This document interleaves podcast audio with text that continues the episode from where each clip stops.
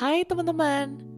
Di podcast sebelumnya kita pernah bahas tentang apa itu penginjilan, motivasi yang benar untuk memberitakan Injil, dan juga ukuran keberhasilannya. Nah, mungkin setelah itu kita coba beritain Injil pada seseorang dan jeng-jeng, kita dapat penolakan. Sekilas penolakan pastinya sesuatu yang gak enak untuk diterima ya teman-teman. Apalagi kita tahu kalau apa yang kita coba sampaikan adalah sesuatu yang sangat penting. Kata Paulus di 1 Korintus 15 ayat 3. Gak cuma buat manusia secara keseluruhan, tapi juga buat dia pribadi. Teman-teman, Injil begitu signifikannya loh buat kehidupan seseorang di masa mendatang. Itu menentukan apakah dia akan menghabiskan kekekalan bersama Allah Tritunggal di surga atau terpisah dengannya selama-lamanya.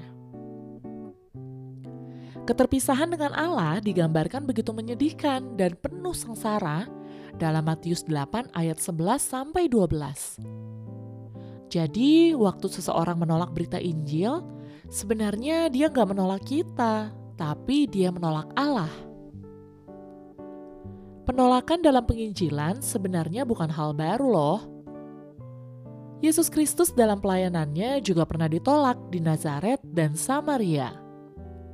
Hal ini tertulis dalam Markus 6 dan juga Lukas 9. Paulus dan Barnabas ditolak di rumah ibadah orang Yahudi dalam kisah para rasul 14. Bahkan Stefanus dilempari batu karena menyampaikan Injil dalam kisah para rasul 7. Gak bermaksud menakuti ya teman-teman, tapi maksudnya akan selalu ada kok orang yang menolak Injil, sebaik dan seramah apa pun kita menyampaikannya.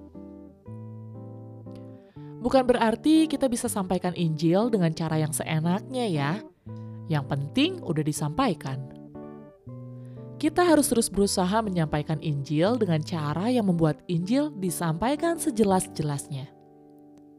Jangan sampai cara kita memberitakan Injil malah membuat beritanya jadi nggak terlalu jelas. Kalau kita baca di sepanjang kisah para rasul, kita akan lihat banyak banget cerita di mana para rasul nggak mundur dalam pemberitaan, meskipun mereka menerima banyak penolakan, karena mereka dipenuhi oleh roh kudus tertulis dalam kisah para rasul 4 ayat 31. Lalu dalam kisah para rasul 8 ayat 15, tertulis juga, kita yang udah jadi manusia baru karena iman kita pada Yesus juga dipenuhi oleh roh kudus. Jadi kita juga nggak akan mundur karena penolakan. Mungkin kita perlu mengevaluasi apakah cara, pendekatan, dan penyampaian kita masih ada yang bisa diperbaiki lagi supaya Injil bisa disampaikan dengan jelas sama mereka. Tapi murid Yesus gak akan menyerah terhadap penolakan. Roh Kudus menyertai kita sehingga kita gak berhenti di tengah jalan, tapi kita kuat dan berani melakukan tugas yang dipercayain ke kita ya teman-teman. Oh iya, Kadang-kadang kalau kita menerima penolakan, itu nggak benar-benar sebuah penolakan loh. Bisa jadi saat dia mendengar Injil, itu adalah kali pertama dia mendengarnya. Jadi dia sedikit kaget. Tahu kalau ternyata selama ini usaha-usaha baiknya nggak bisa mendatangkan surga buatnya.